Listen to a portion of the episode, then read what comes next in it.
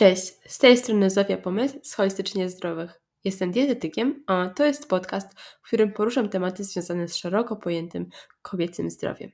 Znajdziesz tu zarówno rozmowy z ekspertami, którzy zarażą Cię swoim entuzjazmem do tematów związanych ze zdrowiem, a także posłuchasz odcinków solo, w których osobiście poruszam wybrane tematy w oparciu o badania naukowe i rzetelne źródła wiedzy.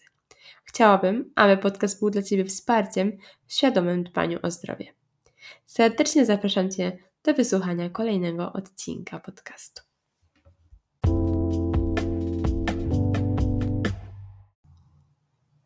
Duża nieregularność cyklu w zespole policystycznych jajników, nie do końca jednoznaczne objawy i wątpliwości odnośnie tego, kiedy naprawdę miała miejsce ovulacja, mogą powodować, że tracimy zaufanie do własnego organizmu. Dlatego dzisiaj wraz z moją rozmówczynią odpowiemy na pytanie, czy kobieta z PCOS może z powodzeniem stosować naturalne metody rozpoznawania płodności. Inna sprawa to to, że na forach poświęconych zespołowi policystycznych jajników często można przeczytać, że pierwszym rozwiązaniem, jakie zostało zaproponowane, było włączenie antykoncepcji. Moja rozmówczyni odpowie więc na pytanie, czy lekarz powinien włączać terapię hormonalną u pacjentki z PCOS od razu na pierwszej wizycie, jak wynika także z mojego doświadczenia i kontaktu z pacjentkami oraz takiego mini badania, które przeprowadziłam jakiś czas temu, wynika, że u części z nich po odstawieniu antykoncepcji sytuacja zamiast się poprawić, pogorszyła się. Jest jeszcze gorsza niż przed rozpoczęciem tabletek. I niezależnie od przyczyny, yy, z powodu jakiej była włączona ta antykoncepcja, tak się stało. Dlatego tą tajemnicę również wyjaśnimy dzisiaj podczas rozmowy. W dzisiejszym odcinku goszczę Paulinę Biegańską-Szczepaniak, która jest lekarką i założycielką Szansy Poznania, platformy w całości poświęconej naturalnej metodzie rozpoznawania płodności. Cześć Paulina. Hej. Rozmawiam dzisiaj z Pauliną Biegańską-Szczepaniak, która jest lekarką, instruktorką metod rozpoznawania płodności, twórczynią Szansy Poznania, portalu o medycynie, relacji i prokreacji. Czy coś chciałabyś dodać? E, bardzo Ci dziękuję, że mnie zaprosiłaś do tego podcastu. To jest przyjemność. Wiesz co, myślę, że reszta, e, co tutaj robię jeszcze o tej działalności, wyjdzie w trakcie rozmowy. No jasne. Dzisiaj będziemy sobie rozmawiać o tym, czym się zajmujesz w dużej mierze, czyli przede wszystkim o naturalnych metodach rozpoznawania płodności, ale też w kontekście szczególnie pacjentek z PCOS, ponieważ ja, jako mhm. dietetyk pracując z nimi, mam wrażenie, że pacjentki nie zawsze są świadome, jak, e, jakie mogą odnieść z tego korzyści, w jaki sposób im to może pomóc, i myślę, że warto szerzyć taką wiedzę na ten temat. E, ale na początku. Tak, zdecydowanie. Na początku myślę, że właśnie fajnie, jakbyś opowiedziała też o sobie. E, dlaczego wybrałaś taką drogę rozwoju? Dlaczego powstała szansa poznania? E, wiesz co, to pytanie mi się bardzo podoba, bo przywołuje fajne wspomnienia, e, bo to była droga, tak? W przypadku nas wszystkich, jak już odnajdziemy swoją pasję, to, to wiąże się z tym jakaś historia. To wynikało z tego, jakich ludzi poznałam, jakich mentorów, lekarzy, których działanie zwróciło moją szczególną uwagę. I jednym z nich była świętej pamięci Teresa Kramarek. To, jest, to była lekarka i twórczyni polskiej metody rozpoznawania płodności. E, całkowicie przyciągnęła mnie swoim ciepłem i chęcią przekazania wiedzy. Jak ją poznałam, miała 80 lat i pomimo tego wieku była tak zafascynowana tym, jak funkcjonuje cykl miesiączkowy i jak wiele można, może nam przekazać informacji, taka karta obserwacji cyklu, że to dla mnie niesamowite. Ta pasja w jej oczach i ciągłe pragnienie przekazywania tej wiedzy dalej, e, jakby to było jej odkrycie z przedwczoraj. E, no i w ten sposób poznałam metodę. Następnie trafiłam na kolejnych wspaniałych nauczycieli, zrobiłam kurs, otrzymałam dyplom nauczyciela metody objawowo-termicznej i wtedy postanowiłam stworzyć szansę poznania. E, ten projekt powstał w celu rozpowszechniania wiedzy i świadomości swojego ciała, ale przede wszystkim właśnie cyklu e, i profilaktyki płodności, która w tych czasach jest bardzo ważna. E, przyznaję, że jest to moja pasja, którą właśnie jako pierwsza przekazała mi pani doktor Teresa Kramarek. Praca z pasji to brzmi dobrze, naprawdę, ale powiedz, nie tworzysz jej sama, prawda? Nie, nie tworzę z jej sama. Mam e, wspaniałego towarzysza, którym jest mój mąż, e, który pomimo, że jest inżynierem, to postanowił także zrobić kurs na nauczyciela metody objawowo-termicznej. No to jest e, wspaniałe, że możemy właśnie sobie rozmawiać o tym, jak konsultuję pacjentki. No to też mogę jego zapytać o, o to zdanie, dlatego że też się właśnie na tym zna, nie jest mu to obce. I myślę, że też taka super właśnie męska perspektywa z drugiej strony i też nie wiem, czy jesteś mężczyźni, oprócz, e, no pewnie sami oprócz kobiet nie przychodzą, tak przypuszczam, ale pewnie pary e, i mężczyzna i kobieta e, przychodzą do Was. Tak, par jest dużo, bo w ogóle też prowadzimy poradnię przedmałżeńską, więc tych narzeczonych mamy najwięcej. E, ja uwielbiam właśnie obserwować taką współpracę e, zarówno tej kobiety z tym swoim narzeczonym mężem czy, czy chłopakiem, bo kiedy on się w to angażuje, to ta energia i ta jej motywacja do tej obserwacji cyklu jest zupełnie inna i to jest świetne. Ja uważam, że jak, jakby dla samych kobiet jest to ogromna wartość znać swój cykl, natomiast jeśli to właśnie e, funkcjonuje także w ich związku, no to to jest coś jeszcze piękniejszego. Mhm. No, tak jak z dietą chociażby, tak, że jak coś razem robimy, to po prostu łatwiej nie tyle co wytrwać, ale łatwiej, iść. No po prostu łatwiej jest. Słuchaj, a wspominałaś tak. o, o metodach rozpoznawania płodności. Czy yy, dla osób, które nigdy nie słyszały tego pojęcia, E, na czym, mhm. na czym polegają te metody? E, to wiesz co, tych metod jest kilka, więc opowiem na podstawie tej metody, której uczę, czyli metody objawowo-termicznej. Polega ona na obserwacji swojego cyklu poprzez e, trzy wskaźniki płodności. Jest to temperatura, śluz szyjkowy i szyjka macicy oraz objawy dodatkowe, które towarzyszą zmianom w cyklu, którymi może być ból owulacyjny, napięcie w piersiach czy e, zmiany emocjonalne. I zależnie od fazy cyklu widoczne e, są poszczególne zmiany w tych wskaźników płodności. Pozwala to na określenie czasu owulacji, co umożliwia rozdzielenie cyklu kobiety na czas płodności oraz względnej i bezwzględnej niepłodności. Ta metoda jest stosowana zarówno w przypadku odkładania poczęcia dziecka, jak i zwiększenia szans na zajście w ciąży.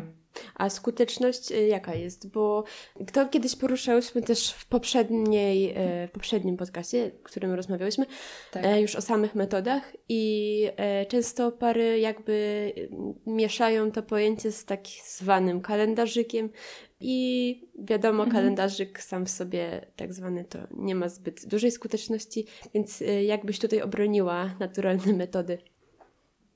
E, wiesz co, to jest metoda przede wszystkim współczesna, aktualna. Kalendarzyk jest metodą z lat dwudziestych, co było w ogóle e, metodą matematyczną bardziej, a nie metodą opartą na obserwacjach. A tutaj w przypadku skuteczności tej metody najważniejsze są obserwacje naszego ciała, tych zmian, które zachodzą w cyklu. E, I skuteczność metody w przypadku odkładania poczęcia dziecka to jest 98%. Mhm. I więcej natomiast tej skuteczności, tak jak mówiłaś, można właśnie posłuchać w naszym poprzednim podcaście, ale też przeczytać na naszej stronie internetowej szansapoznania.com w dziale o metodzie. Tam mhm. jest rozbudowany ten temat, więc myślę, że dla zainteresowanych możemy ich tam przepuścić właśnie na te strony i podcasty, a my się zajmiemy tym tematem PCOS. Jasne. E, to tak jeszcze zanim już zaczniemy rozmawiać o tym konkretnie kontekście PCOS, to powiedz mi, e, jeżeli zaczynamy pracować z taką metodą, taką jaką wy stosujecie e, w swojej pracy, to mm, jak szybko możemy zaobserwować jakieś nieprawidłowości czy prawidłowości, po prostu zaobserwować pewne reguły w swoim cyklu. Sama również je stosuję i też korzystałam z Twojej pomocy, mm -hmm. więc wiem, jak to wygląda, e, że no tak naprawdę to jest po prostu o tyle fajne, że kobieta świadomie zna swój organizm, świadomie wie, co się z nim dzieje. I, I tutaj jakby pytanie właśnie, kiedy można zauważyć takie rzeczy stałe, które się powtarzają, które już wiemy, co znaczą? E, to jest właśnie fajne, że już w pierwszym cyklu możemy ocenić jego fizjologię, czyli te prawidłowości, na przykład, czy występuje dwufazowość temperatur, jaka jest długość fazy lutealnej, które świadczą nam o wydolności ciałka żółtego.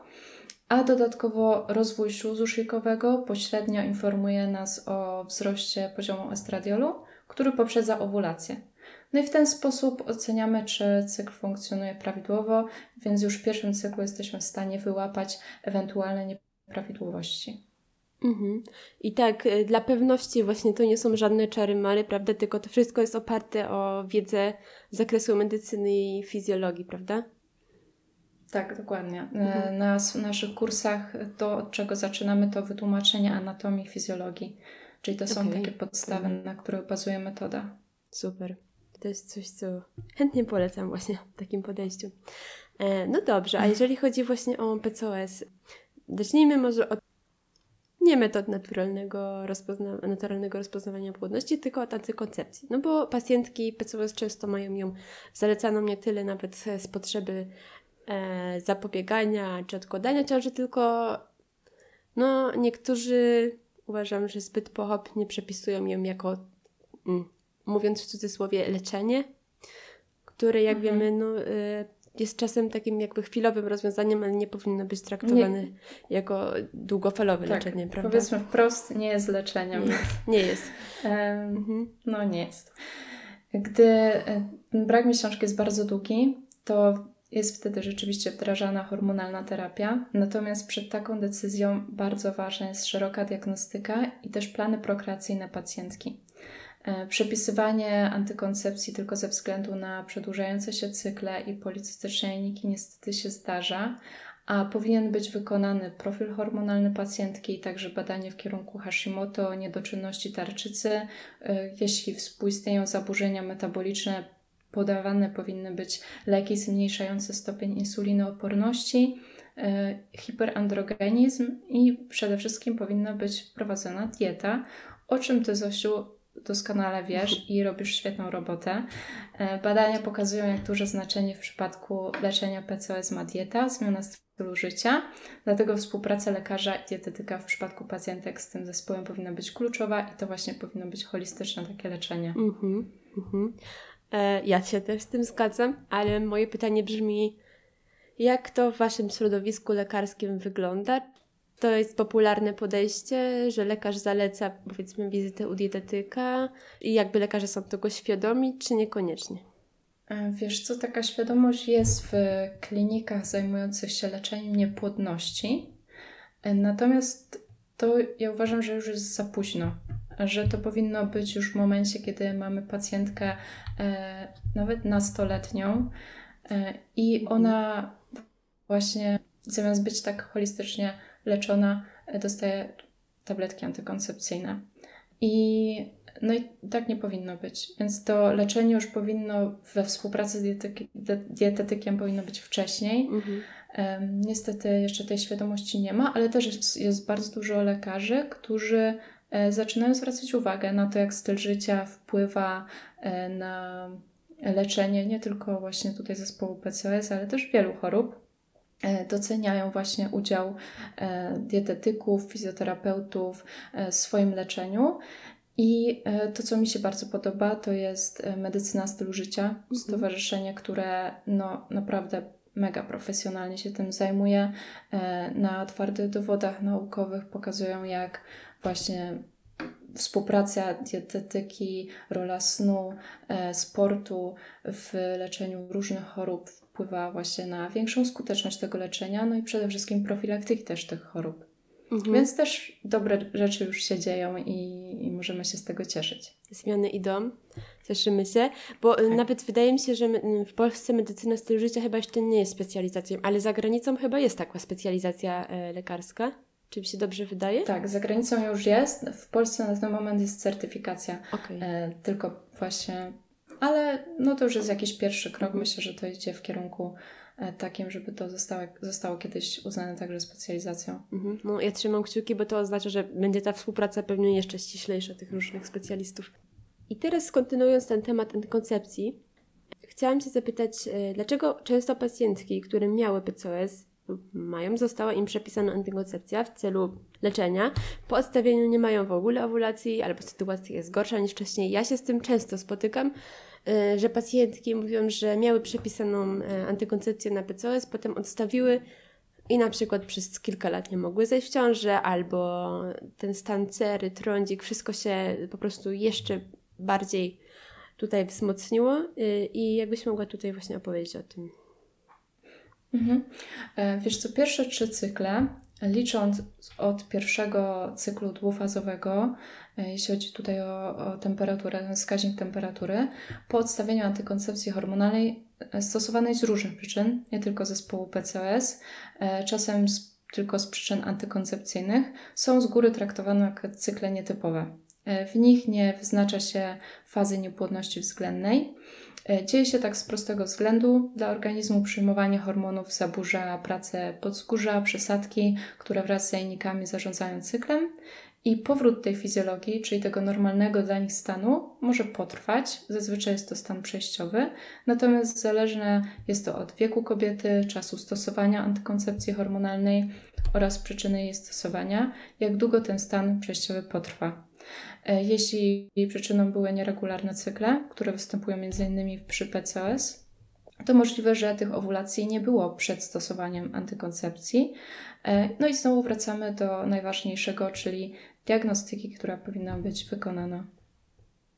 A właśnie, bo mówiłaś, że ja nie wiem, czy to dobrze zrozumiałam, że pierwsze trzy cykle odliczyć od dwufazowego, tak? Czyli nie pierwsze mhm. trzy w ogóle, gdzie się pojawia tam, nie wiem, krwawienie, tak. tylko powiedzmy czekamy na pierwszą owulację i dopiero i następne te trzy mają prawo być e, nieprawidłowe, tak?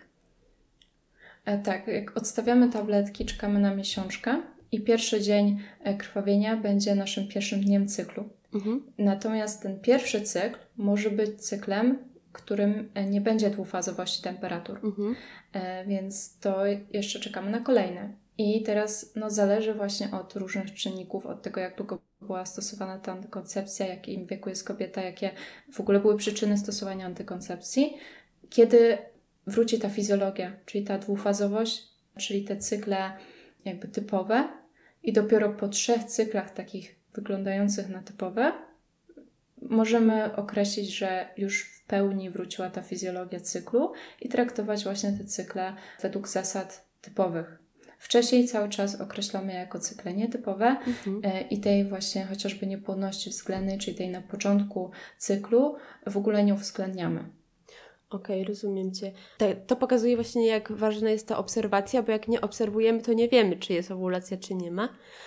A może będziesz mogła tak, też dokładnie. odpowiedzieć na pytanie, a co jeśli obserwujemy i jej nie ma? Nie ma, odstawiamy antykoncepcję i nie ma, nie ma kolejny miesiąc, to co wtedy? No, myślę, że tutaj musimy znowu wrócić do tej diagnostyki, okay, bo czyli od... E, jedno to jest to, co e, widzimy w cyklach, jeśli ich nie obserwujemy, no to też nie widzimy, co się dzieje, e, jaki jest ten profil hormonalny, czyli po, myślę, że po takich trzech miesiącach, kiedy nie wróciły te cykle do mhm. normy, to należy zlecić diagnostykę. Tak, rozumiem. Czyli po prostu zawsze wracamy do diagnostyki, jak nie wiadomo. Mhm. Czy uważasz, że monitoring cyklu powinien być częścią terapii PCOS u większości kobiet? Tak, zdecydowanie, dlatego że obserwacja cyklu może pomóc w diagnostyce i leczeniu PCOS. E, niestety nieliczni lekarze znają metody, które umożliwiają obserwację cyklu, już nie wspominając o tym, jak ważna jest umiejętność odczytywania tych nietypowych cech w karcie cyklu. E, więc warto zachować otwarty umysł i docenić to, że sam organizm może nam wskazać wartościowe informacje w leczeniu tej, tych zmian. Mhm. A jeszcze wracając do antykoncepcji, bo to w sumie jest y, często poruszany temat i często pytana. Ja jestem, ale też nie jestem ani ginekologiem, ani właśnie specjalistą od tych metod. Dlaczego w ogóle po odstawieniu antykoncepcji takie się obie- y, pojawiają objawy PCOS? Czy y, nawet u kobiet, które wcześniej były zdrowe? Czy to jest jakaś sytuacja przejściowa, czy być może właśnie się rozwija tutaj to PCOS? Y, wiesz co, taki obraz przejściowy jajników może być widoczny w badaniu USG po odstawieniu antykoncepcji. Dlatego, tak jak już wspomniałam, w tych pierwszych cyklach po odstawieniu spodziewamy się regulacji układu hormonalnego, czyli tej przejściowej fazy. No i właśnie obserwujemy to. Nie, nie wdrażamy od razu, y, znaczy też żaden lekarz nie będzie leczył e, obrazu, który, mhm. który nie jest współmierny z kliniką. E, przede wszystkim tutaj to, co, czym się kierujemy, to jest klinika, te objawy, jakie pacjentka ma i to, co się dzieje w jej cyklu. No i właśnie ten stan przejściowy, tą przejściową fazę możemy wspomóc dietą i suplementami. Mhm. Bo i tak podsumowując, to ten obraz na USG nie od razu oznacza, że pacjentka ma PCOS, czyli zespół objawów. Tak? Taka jest prawda? Tak, tak. No, musimy właśnie uwzględnić ten czas, jaki jest od mhm. odstawienia mhm. tych tabletek tak.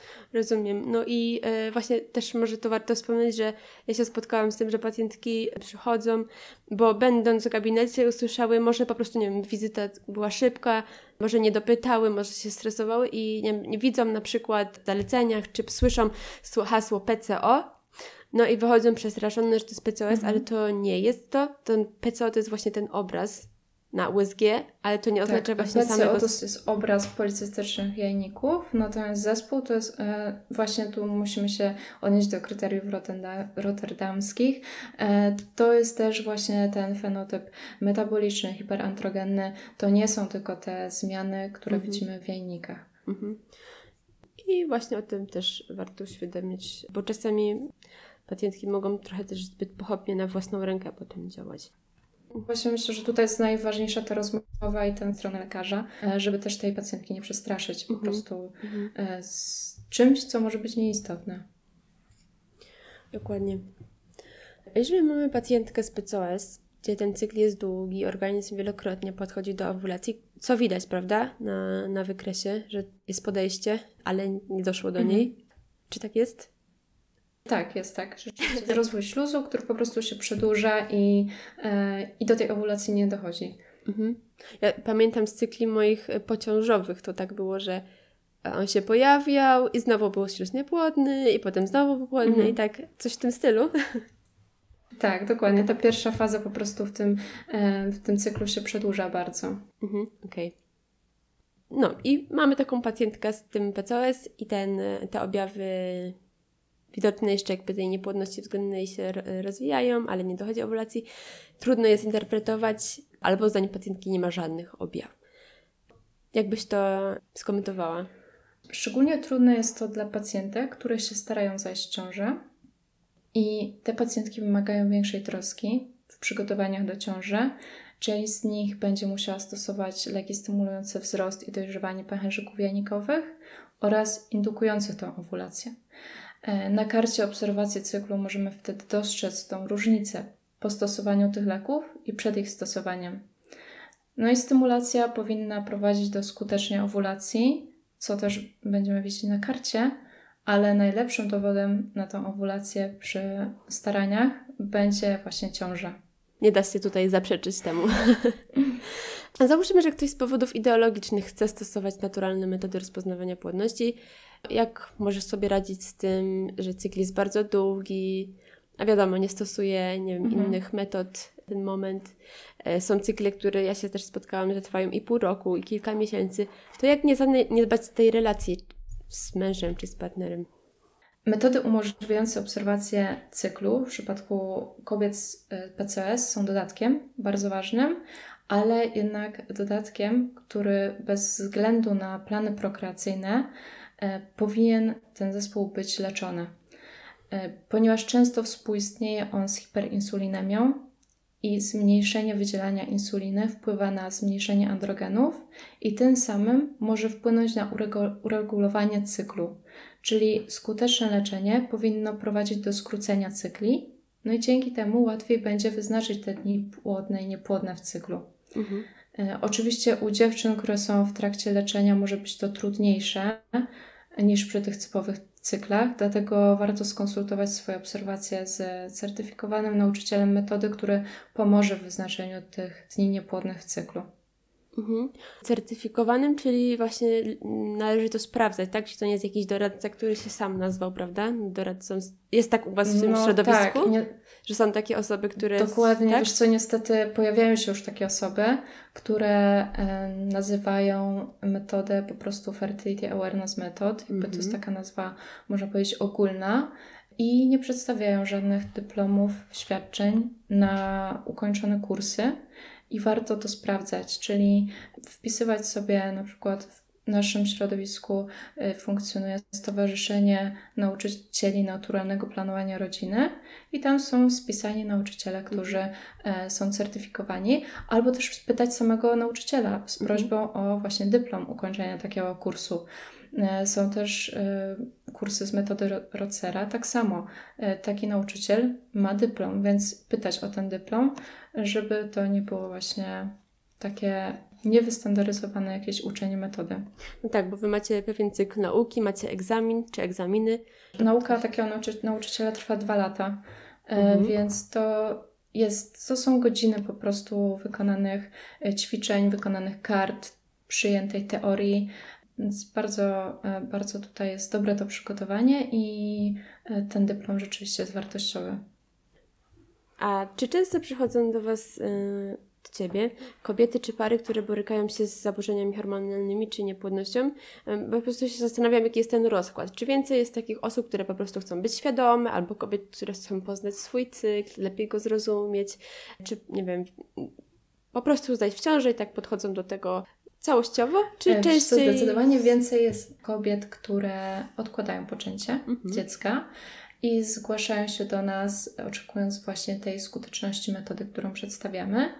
I więcej mamy takiej sytuacji. Są też właśnie dziewczyny, które mają PCS e, i te konsultacje wtedy są częstsze.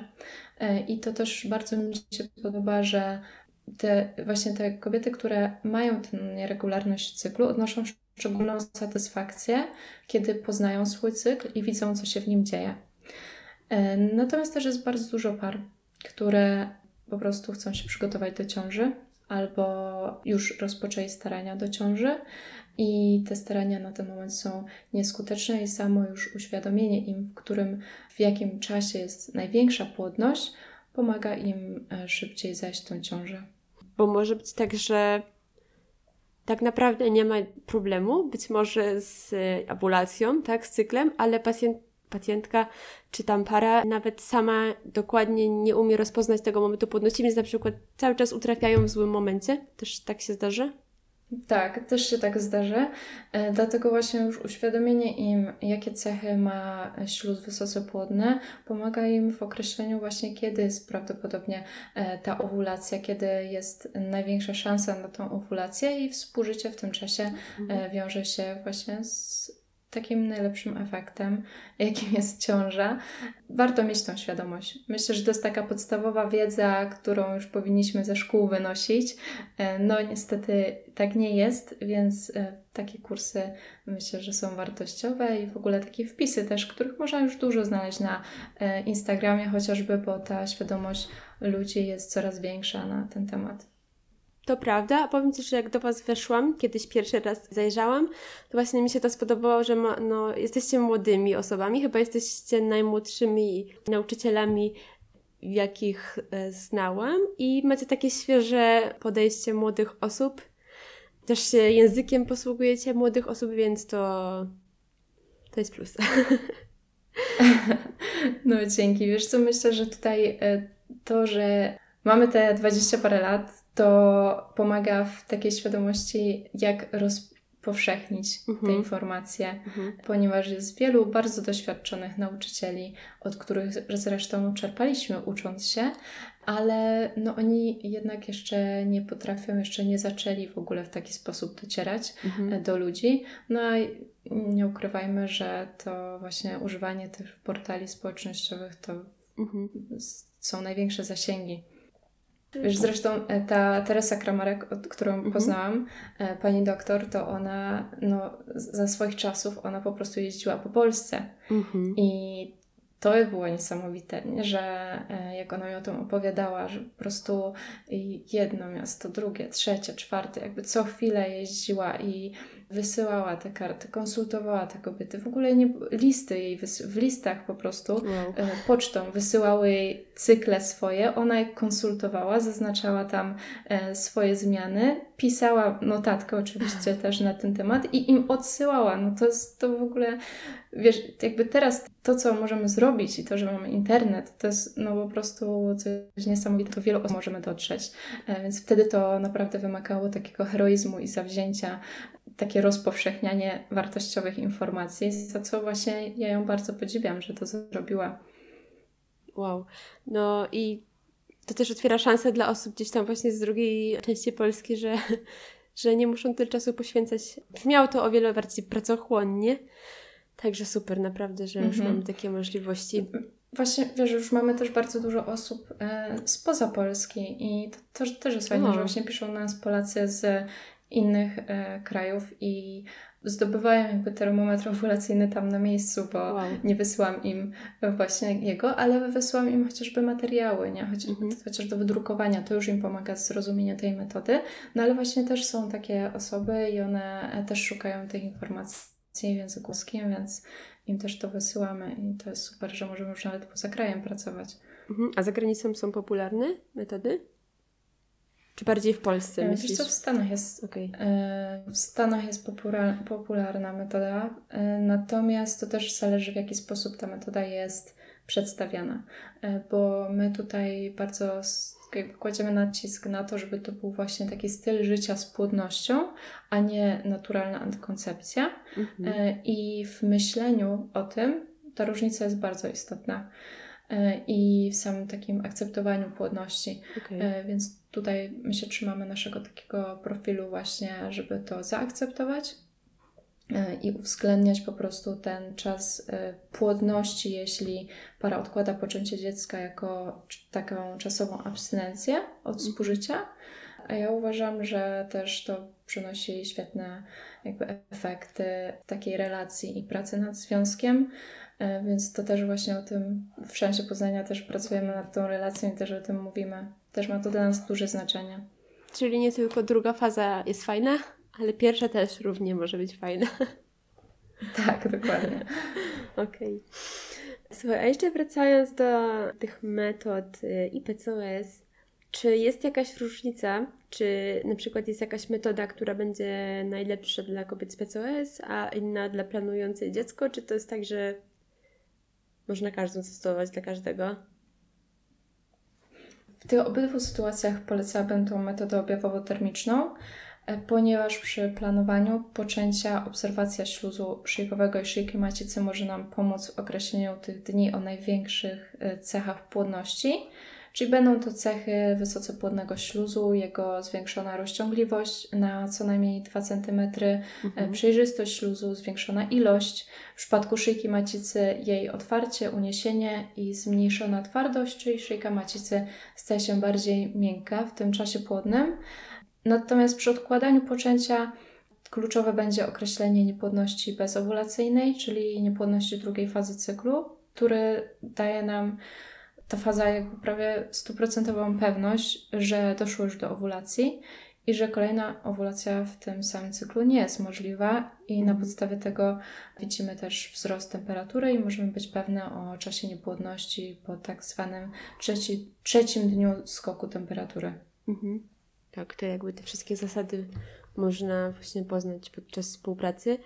A pytanie brzmi też moje, no bo e, obserwacja szyjki nie dla każdej kobiety chyba jest komfortowa i tak raczej e, mhm. może się obyć bez niej. Tak, zazwyczaj są stosowane obserwacje dwóch wskaźników, czyli temperatury i śluzu szyjkowego. Natomiast właśnie w przypadku dziewczyn, które mają PCOS, zalecałabym też ten trzeci wskaźnik, tą szyjkę mhm. macicy po prostu z tego względu, że ta sytuacja u nich jest trudniejsza, te cykle są dłuższe. E, przede wszystkim właśnie różnica polega na pierwszej fazie cyklu. E, I w związku z tym, póki nie zostanie wdrożone leczenie zmieniające cykl, sugerowane jest współżycie tylko w fazie niepłodności bezwzględnej, mhm. czyli w drugiej fazie cyklu. Mhm. Natomiast skuteczne leczenie wpływa na cykl i jego długość powinna się skracać. No i, i, właśnie tak jak mówiłam, mm, ta praca z tymi pacjentkami z PCS jest dłuższa, e, wymaga większej ilości tych konsultacji, natomiast właśnie ta satysfakcja jest duża też e, przy tych trudniejszych cyklach. Mhm. No a obserwacja tego trzeciego wskaźnika właśnie pomaga mhm. bardzo. Mhm. A są może takie sytuacje, w których byś nie polecała, albo w których można nie znaleźć zastosowania naturalnych metod rozpoznawania płodności? Y, ja nie poznałam jeszcze takich przypadków. Na ten moment uważam, że no jakby, wiesz, ta metoda nie ma jakby działań niepożądanych. Mhm. To, to jest po prostu obserwacja cyklu. I, I jeśli to się robi zgodnie z i aż właśnie, mhm. nie? Jeśli się to robi zgodnie z zasadami metody e, tej objawowo-termicznej, no to, to może się bardzo przydać w tej diagnostyce i w leczeniu, i w planowaniu, i w odkładaniu poczęcia. Po prostu jest na maksa wartościowe e, i, i też no właśnie nie niesie żadnych skutków ubocznych. E, więc to jest coś, z czego możemy skorzystać i z czego warto skorzystać.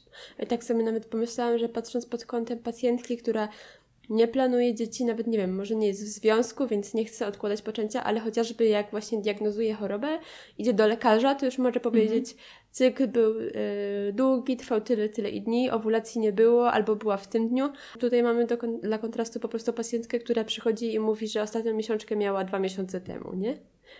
To już jest pewnie tak, dla lekarza tak, większa informacja. Też, też sama diagnostyka, wyznaczanie e, badań hormonalnych, to też powinno być na przykład 7 dni po owulacji. I okej, okay, niektóre kobiety czują owulację, mhm. mają ból owulacyjny, ale większość kobiet nie ma tego bólu. Mhm. I właśnie ona w takiej sytuacji będzie wiedziała, że do tej owulacji doszło na podstawie obserwacji cyklu. Mhm. E, no więc jest duża wartość tak na przykład badanie progesteronu, nie?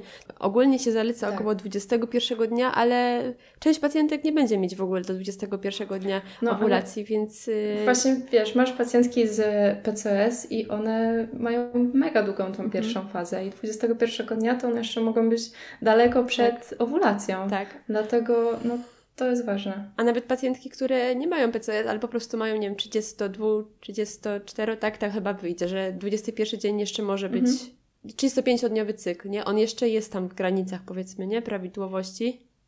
Tak. No to, tak, tak. E, no to tak może mieć na przykład owulację 22 dnia, 21, no i nie będzie to widoczne jeszcze, jak pójdzie sobie właśnie na, pro, bo ten progesteron dopiero wzrasta tam nie pierwszego dnia owulacji, tylko później troszkę.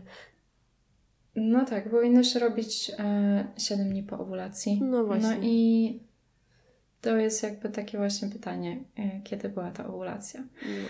E, no więc właśnie ta świadomość kobiet jest pomocna bardzo na każdym etapie i e, czy to jest diagnostyka, czy leczenie, no właśnie też sytuacja, jakie są jej intencje, jeśli chodzi o prokreację. I warto, żeby to lekarz potrafił docenić i też potrafił to uwzględnić. Mm, no, mhm. to jest myślę, że e, dobra taka cecha i umiejętność, którą, która nie, nie kosztuje dużo, a, a warto ją mieć. A z praktyki jeszcze, to jeżeli ktoś planuje ciążę, to to może być najwcześniejsza możliwa, możliwy sposób na rozpoznanie, że jest się w ciąży, prawda? Bo czasami niektóre testy nie wychodzą jeszcze po takim czasie, jak już wiemy, że temperatura jest e, wyższa przez pewien okres. Tak, możemy to zauważyć e, właśnie po tej temperaturze, tak jak mówisz, ale to też jest takie mm, ciekawe, że właśnie pacjentki, które mają nieregularne cykle, czasami bardzo długo właśnie czekają na tą miesiączkę i, i przychodzą w celu diagnostyki, tak się zdarza, że przychodzą w celu mhm. diagnostyki tego cyklu i nagle się ogłosuje w badaniu USG, że one są w ciąży. Okay. Więc e, też takich sytuacji nie można wykluczać, bo najczęściej przyczy właśnie przyczyną przedłużającego się cyklu jest ciąża, mm -hmm. a nie mhm. zaburzenia. Mm -hmm. e, dlatego to trzeba mieć w pierwszej kolejności na uwadze. Mm -hmm. No i tego życzymy wszystkim starającym się o ciążę, żeby się tak miło zaskoczyły. A tym, które Dokładnie. właśnie, które się nie starają, żeby po prostu żyły z lepszą świadomością siebie, swojego ciała. Tak. To z takich pytań merytorycznych to te, które ja chciałam zadać, to już chyba wszystkie. Czy ty coś chciałabyś jeszcze dodać od siebie? Na pewno to, że świadomość swojego cyklu jest bardzo ważna. E, warto też docenić tą płodność, którą jesteśmy obdarzone. W dzisiejszych czasach też bardzo ważna jest profilaktyka płodności i już sama obserwacja cyklu może być jej częścią. Więc polecam właśnie wszystkim, żeby mieć to na uwadze, obserwować swój cykl. E, jeśli będziecie potrzebowały jakiejkolwiek konsultacji, pomocy w nauce metody, to zapraszamy do nas na naszą stronę internetową szansapoznania.com i też przez profil na Instagramie o nazwie Szansa Poznania. Gdybyście miały jakiekolwiek pytania, to piszcie do nas, chętnie Wam odpowiemy. Potwierdzam, to fajne jest źródło wiedzy i można znaleźć ciekawą informację. Powiedz jeszcze, czy macie jakieś e, plany? Chcecie jakoś rozwijać tą szansę poznania? Czy właśnie w ogóle co też można u Was znaleźć dla osób, które tak jakby mają pierwszą styczność, czy tylko konsultacje indywidualne, czy też jakąś inną formę, czy tylko same, same treści i samą w zasadzie współpracę na zasadzie właśnie tych metod rozpoznawania płodności? Bo wydaje mi się, że nie tylko. No nie tylko, wiesz co, bardzo staramy się rozszerzyć naszą działalność, e, nie tylko właśnie o tą metodę, ale też o, to, o te rozmowy na temat relacji. E, ostatnio wystartowała Wspólnota Młodych Małżeństw w mhm. Poznaniu, którą też prowadzimy. Jesteśmy liderami tej mm. wspólnoty. E, zapraszamy na tą wspólnotę gości, którzy e, poruszają wiele tematów istotnych dla młodych małżeństw i no, dzieją się tam fajne rzeczy. Jesteśmy pod wrażeniem, jak ludzie się otwierają e, i dzielą swoimi doświadczeniami i to nas bardzo buduje. Właśnie też taki kontakt i spotkanie. Dlatego tych z Poznania zapraszam. E, można też znaleźć profil na Instagramie Wspólnota Młodych Małżeństw. E, po drugie, w sumie mamy plany. E, są to duże plany. Chcemy bardzo rozbudować platformę, w ogóle mhm. też nadać jej nową nazwę, ale nie robiąc tego sami, właśnie chcemy współpracować z dietetykami, okay. z psychologami i podejść do tego tak bardzo całościowo, ale metoda będzie tutaj zawsze na pierwszym miejscu, ponieważ ona jest właśnie tą podstawą i do e, diagnostyki, i do leczenia, i do rozmowy o relacji.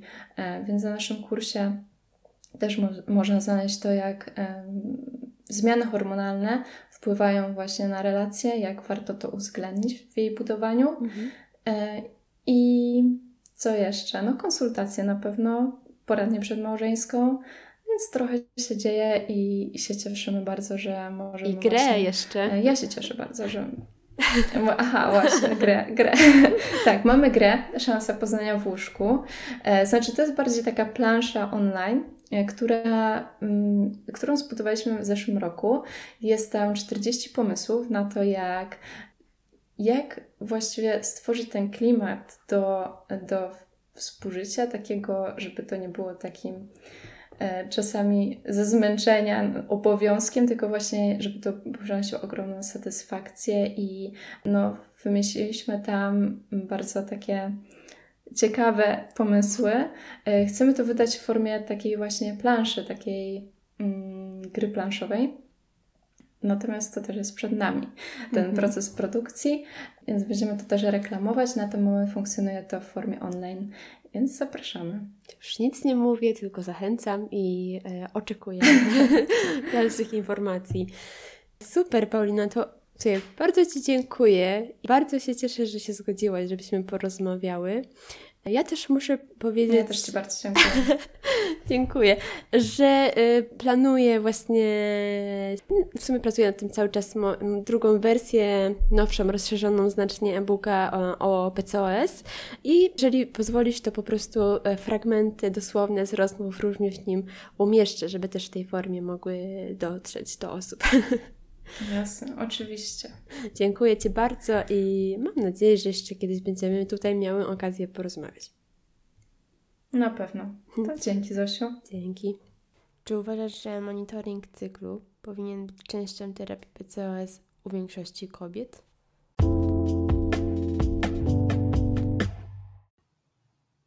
Na zakończenie małe przypomnienie.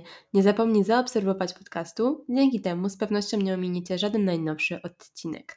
Doceniam też każdą formę feedbacku, która pomaga rozwijać się mojemu podcastowi i docierać do szerszego grona odbiorców. Dziękuję.